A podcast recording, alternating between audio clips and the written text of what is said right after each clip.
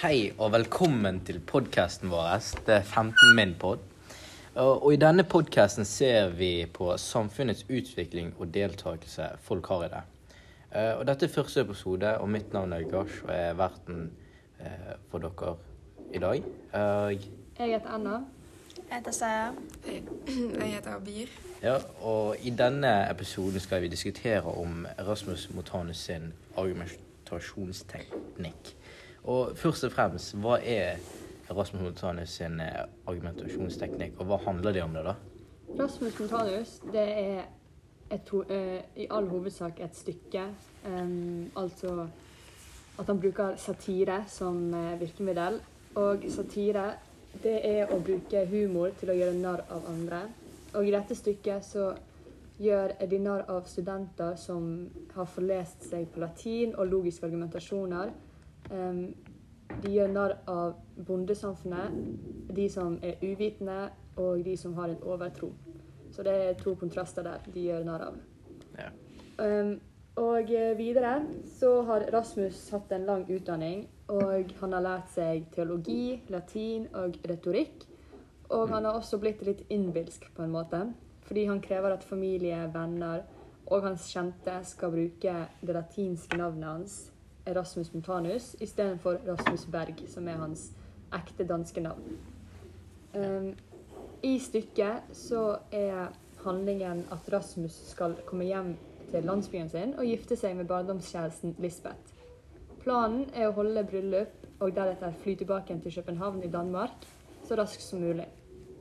Men det oppstår noen komplikasjoner når han kommer til landsbyen, fordi foreldrene til Lisbeth har en annen tro på jorden enn det Erasmus har. Erasmus mener at jorden er rund, og foreldrene til Lisbeth mener at den er flat. Og hvis ikke Erasmus bytter mening, så får ikke Lisbeth gifte seg med Erasmus.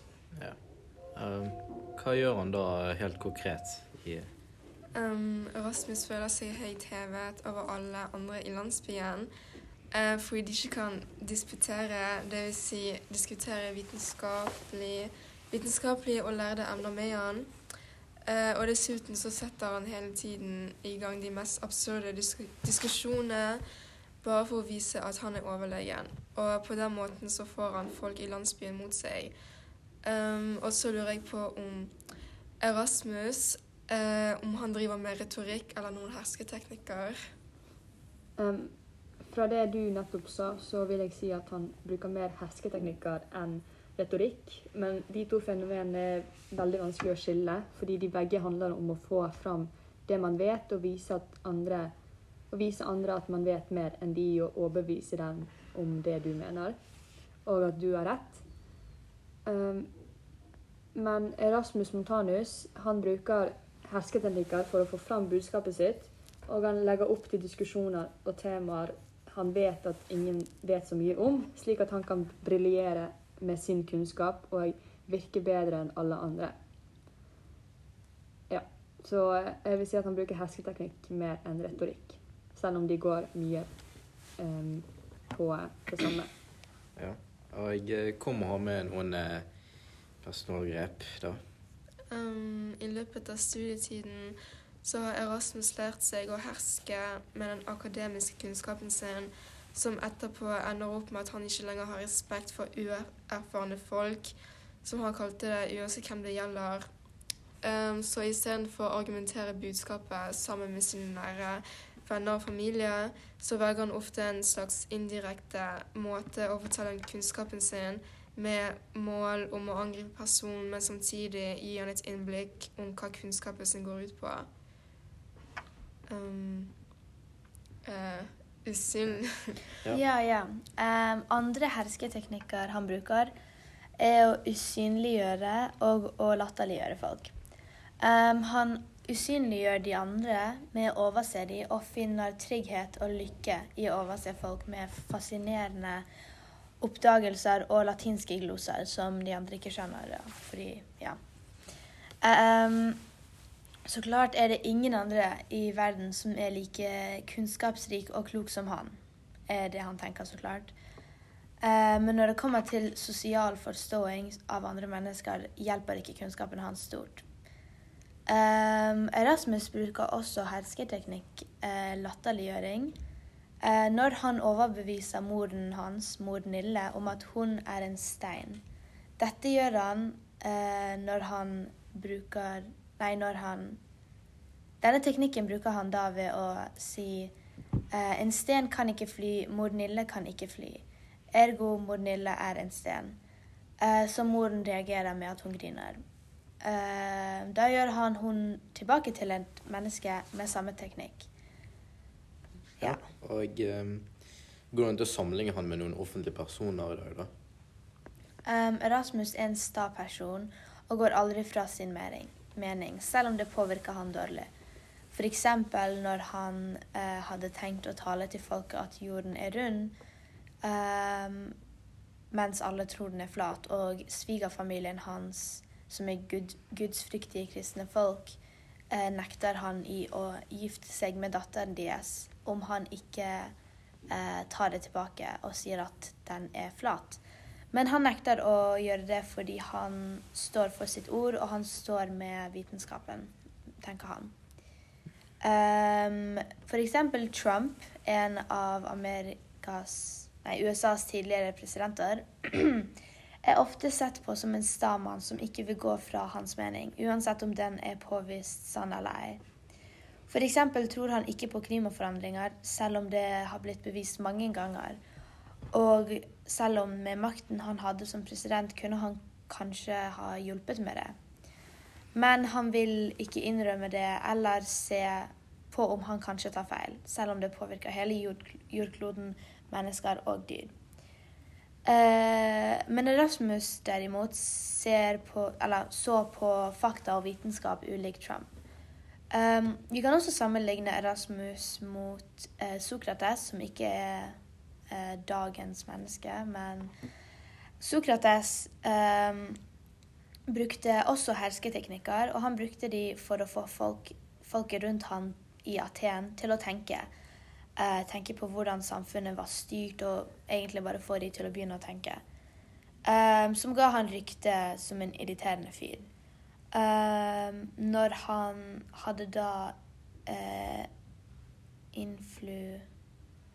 Påvirket dagens, eller den tidens ungdom, så fikk han beskjed om de som ledet, og politiet og sånt da, at hvis han ikke tar tilbake det han sa, um, om samfunnet og sånt, så skulle han bli drept. Men Sokrates gikk ikke fra ordet hans, og han sto ved sin mening og ble drept for den òg. Um, som kan minnes om Erasmus. Det Saja har sagt, er jo likhetstrekk. Men finnes det noen motstykker med Rasmus Montanus? Ja, eh, det er mange motsetninger i stykket om Rasmus Montanus, eller Rasmus Berg, som han egentlig heter.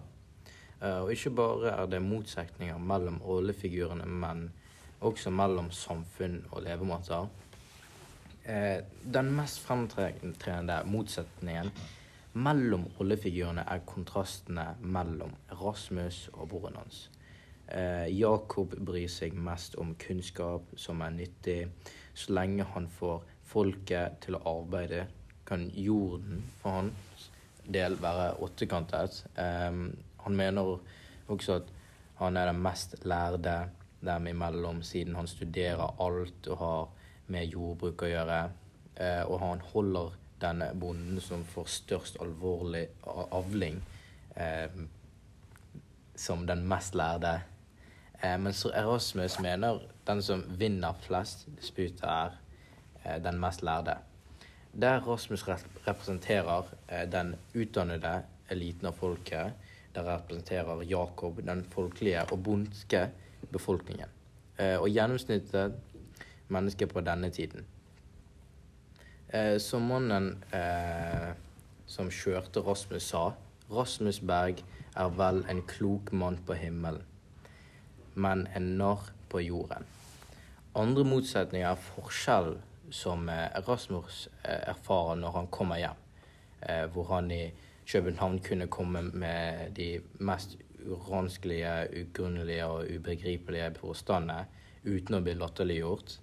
Når han, kom, når han hjemme kommer med utsagnet om at jorden er rund og ikke flat som en pannekake, blir han hånet og nærmest utstøtt av samfunnet. da. Dette viser leserne eh, kontrasten mellom eh, bondesamfunnet og det akamediske som fant sted i København. da.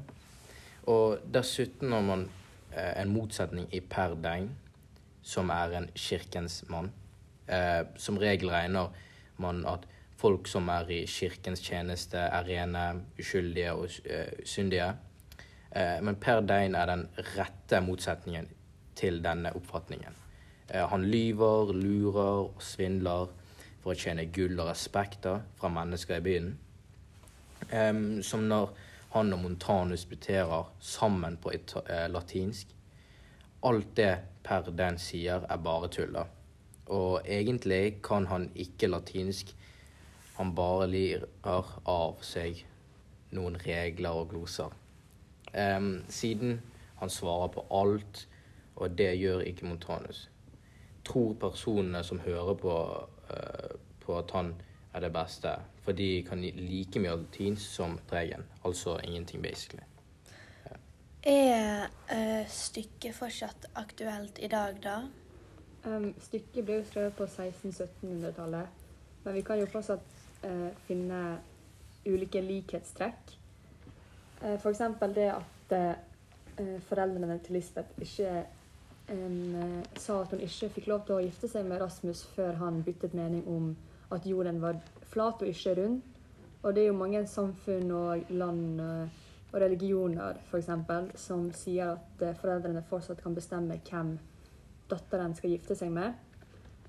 Um, og Rasmus han blir jo framstilt som en arrogant type. Um, en besserwisser, kan vi si. En som vet litt bedre enn andre. Uh, og det er jo mange uh, i samfunnet i dag som kjenner en besserwisser. Og vi kan jo si at de ikke At de finnes i dag òg. Uh, ja. Ja. Er det noen andre likhetstrekk dere finner med stykket? Likhetstrekk mellom hva? Erasmus og dagens samfunn?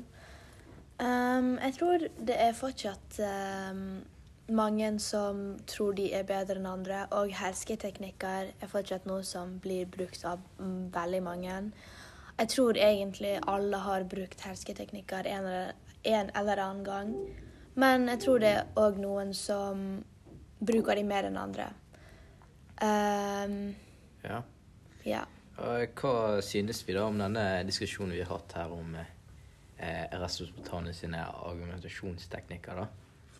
Jeg syns Erasmus Montanus eh, stykke er et ganske bra stykke. De bruker humor til å få fram eh, hvordan det var på 1700 1600-1700-tallet. Eh, og få fram eh, eh, eksempler på hersketeknikk og bruken av de.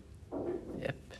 Ja, jeg syns også det var veldig det du sier med at de bruker at det Nei, egentlig det at det er et komedisk stykke, men det er også veldig eh, det, deg, det får deg også til å tenke.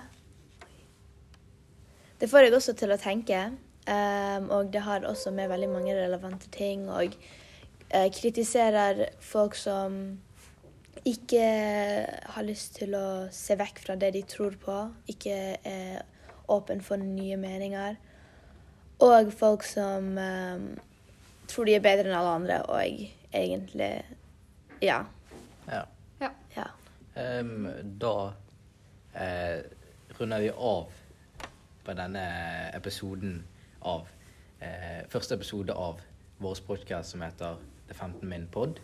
Uh, vi snakkes senere i episode to av eh, podkasten vår, og farvel.